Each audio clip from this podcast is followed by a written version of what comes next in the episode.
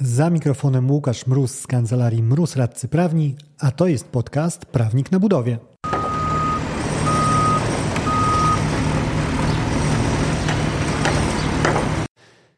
Temat numer 3. Rękojmiano gwarancyjny, który dzisiaj przygotowałem. I temat e, zostajemy w Krakowie.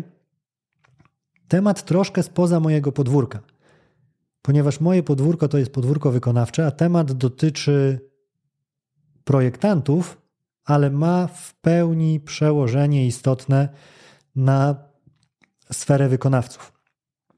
I dotyczy samego deklarowania terminu obowiązywania rękojmi i czy można go deklarować w sposób taki zawieszony w próżni, tak na dobrą sprawę do końca świata jeden dzień dłużej, jak Wielką Orkiestrę Świątecznej Pomocy.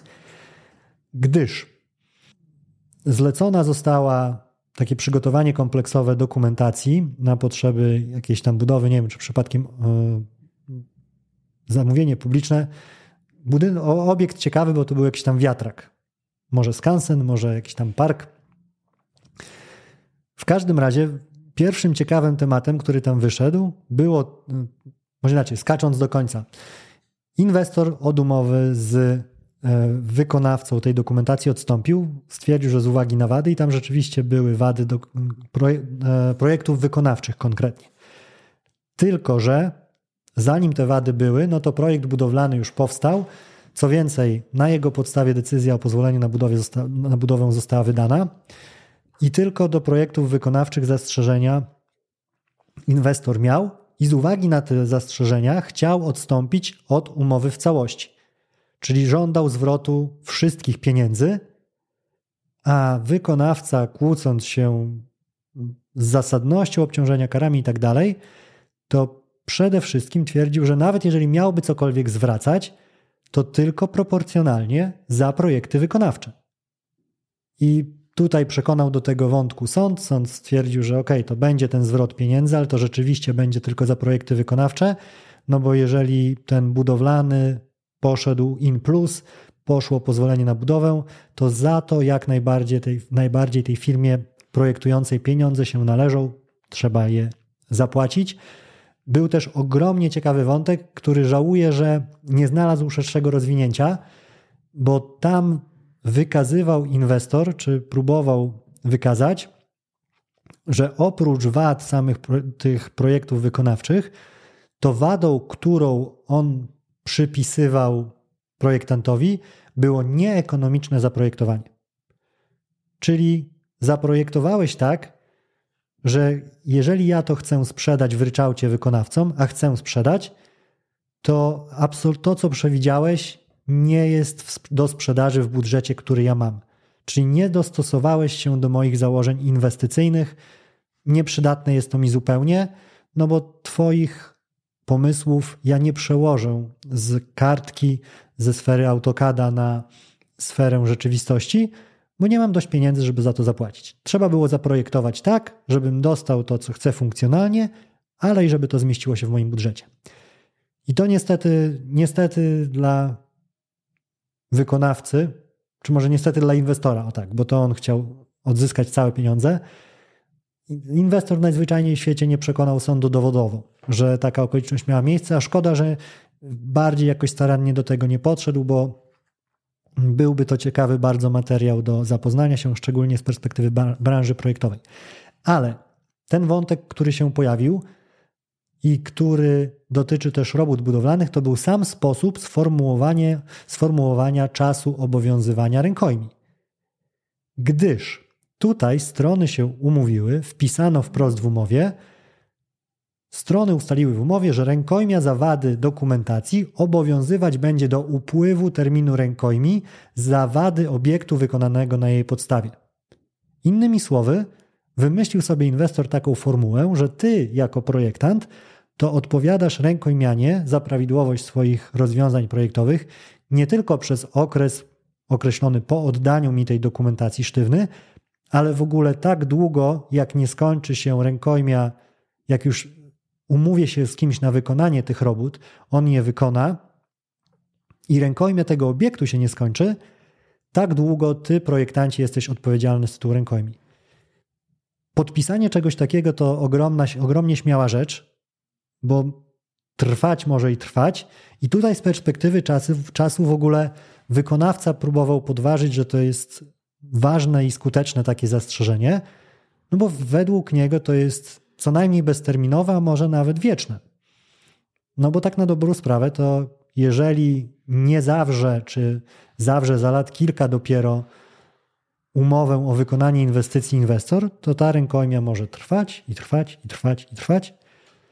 A jeżeli stwierdzi, że on za dwa pokolenia dopiero ruszy z tą robotą, bo to dwie generacje jego przedsiębiorczej rodziny naskładają na tą inwestycję, no to będzie rękojmia w wysokości dwie generacje plus, dwa pokolenia plus. Logiki temu stanowisku nie można odmówić, niemniej sądu nie przekonało. I powiem, dlaczego nie przekonało, i powiem od razu, że mnie nie do końca nie przekonuje to, dlaczego sądu nie przekonało. Ale o tym za chwilę. Dlaczego sąd stwierdził, że on nie widzi tutaj problemu? No bo rzeczywiście, e, rzeczywiście sąd zauważa, że no tutaj no, widzę ten problem logiczny, który rysuje strona i zgadzam się, że tutaj nie ma żadnej konkretnej daty, tylko mamy odniesienie się do czasu wykonania obiektu i biegu rękojmi za sam, wady samego obiektu, czyli samego tego budynku, który miał powstawać. No i się zgadzam, że to jest zdarzenie niepewne i samo w sobie nie stanowi terminu. A wypadałoby, że jeżeli wiążemy się czymkolwiek, jeżeli chodzi o odpowiedzialność za wady też, to jednak, żeby to było związanie się do określonej daty. Ale sąd tłumaczy. Jednak zdaniem sądu nie można mówić, że strony nie mogły odnieść się do takiego zdarzenia terminem rękojmi, czyli mogły według sądu powiązać z tym wykonaniem budowy rękojmie także projektową. Przede wszystkim chodzi bowiem o to, czy zdarzenie obiektywnie niepewne, czytaj, obiektywnie niepewne jest przecież to, czy budynek powstanie i kiedy powstanie, jest pewne dla stron, że nastąpi. Czyli my jako strony umowy, ja jako projektant, ty jako inwestor, dla nas pewnym jest, że ten budynek to będzie cieszył nasze oko gdzieś tam w tle stojąc i skończy się jego budowa. Idąc dalej. Trzeba przyjąć, że strony działały w oparciu o wzajemne zaufanie i skoro do takiego zdarzenia się odwołały, to dla nich było pewne, że nastąpi. Nic w sprawie nie wskazywało, że pozwany projektant nie miał wiedzy, kiedy inwestor faktycznie przeprowadzi budowę, czy był niepewny, że taka budowa zostanie podjęta. Poza tym, tak ukształtowana rękojmia, jak uczyniły ją strony w umowie, zdaniem sądu nie prowadzi do tak zwanego zobowiązania wiecznego, bowiem na wypadek sporu co do czasu jej trwania można przyjąć, że usprawiedliwiony czas rękojmi to czas, w którym w normalnym toku działając z należytą starannością można było przeprowadzić budowę. Nie bez znaczenia były tu też terminy administracyjne, wiązania decyzji o pozwoleniu na budowę i terminy zakończenia budowy w oparciu o tą decyzję. Zaraz zrobię krótkie podsumowanie, tylko skończę przytaczać za sądem. W niniejszej sprawie nie można też spuszczać z pola widzenia, że racjonalnym było, że strony dopuszczały, aby rękojmia zawady projektowe rozciągnęła się w czasie chociażby na czas budowy. Projekt miał za przedmiot duży zakład przemysłowy, stąd zrozumiałym jest, że należało się liczyć z możliwością wad obiektu mających swe źródło w rozwiązaniach projektowych. Dla stron jako profesjonalistów musiało to być oczywiste, stąd takie postanowienie umowy.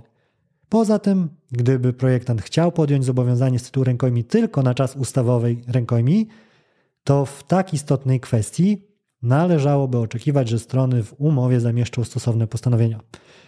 Tymczasem nic nie wskazuje na to, że w ogóle taka intencja projektantowi przyświecała. To podsumujmy, co sąd napisał, bo tak. Z mojej perspektywy oceniam to tak, że to jest takie sprawiedliwościowe orzekanie, czyli ze zdrowym rozsądkiem sądu, jego kompas sprawiedliwego wyroku powiódł go właśnie do tego miejsca. I kilka rzeczy tutaj istotnych do wyróżnienia jest, jeżeli chodzi o tą sferę argumentacyjną. Po pierwsze, ta kwestia w ogóle terminu. I sąd tu się zgadza, no widzę problem, to nie jest konkretna data, czy takie zdarzenie pewne w ogólności, ale sąd poszedł w tym kierunku, że dla niego to zdarzenie jest pewne w kontekście tych dwóch kontrahentów, w kontekście projektanta i inwestora.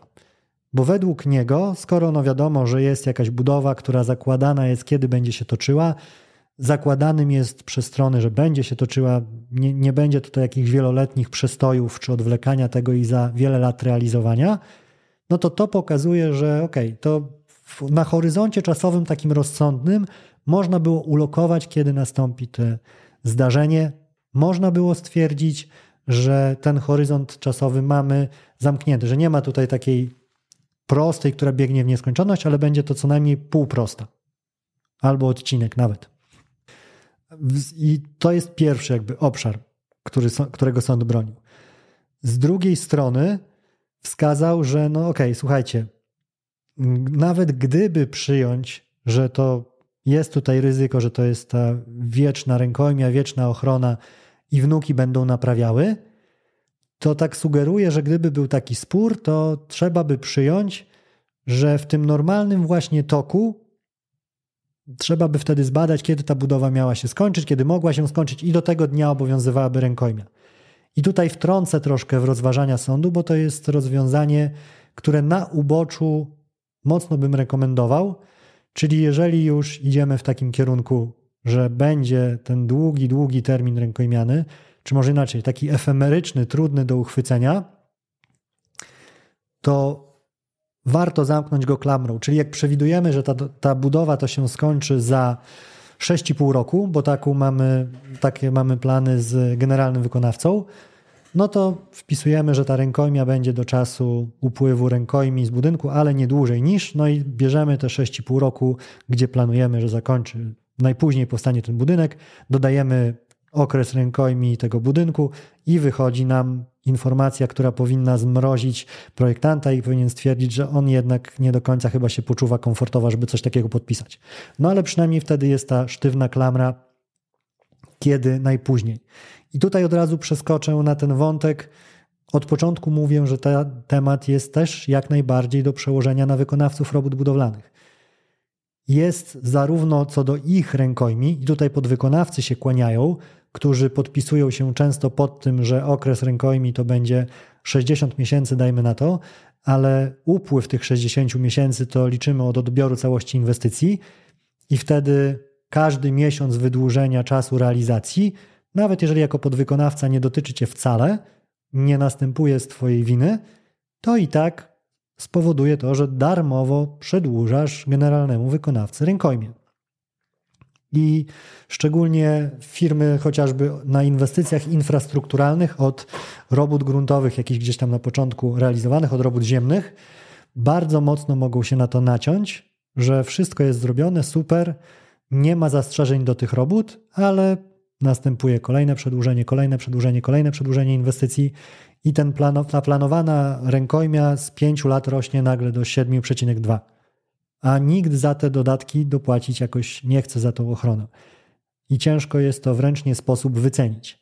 Także tutaj ten mechanizm takiej sztywnej klamry, odwołanie się do planowanych terminów zakończenia całości inwestycji, w przypadku wykonawców robót budowlanych też jak najbardziej chwyta, jak najbardziej by się przydał. Innym obszarem e, na tej samej zasadzie działającym jest udzielanie zabezpieczeń wykonania umowy. Czy zabezpieczeń też usuwania wad.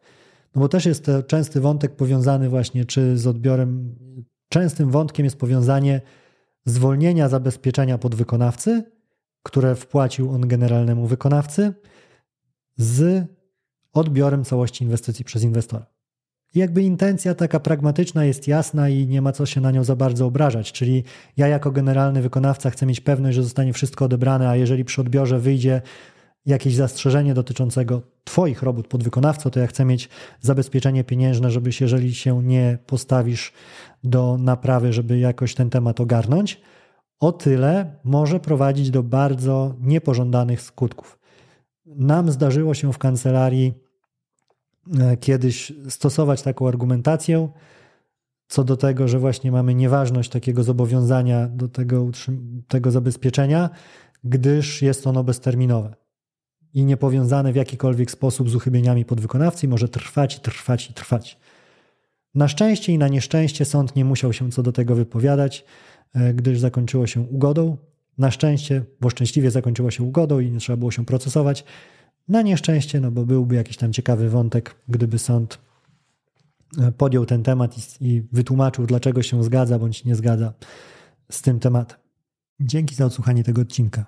Jeżeli chcesz się ze mną skontaktować, możesz napisać na biuro małpa albo zadzwonić na 577 665 077. Znajdziesz mnie też w mediach społecznościowych. Na LinkedIn jako Łukasz Mróz, a na TikToku, Facebooku i Instagramie jako Prawnik na Budowie.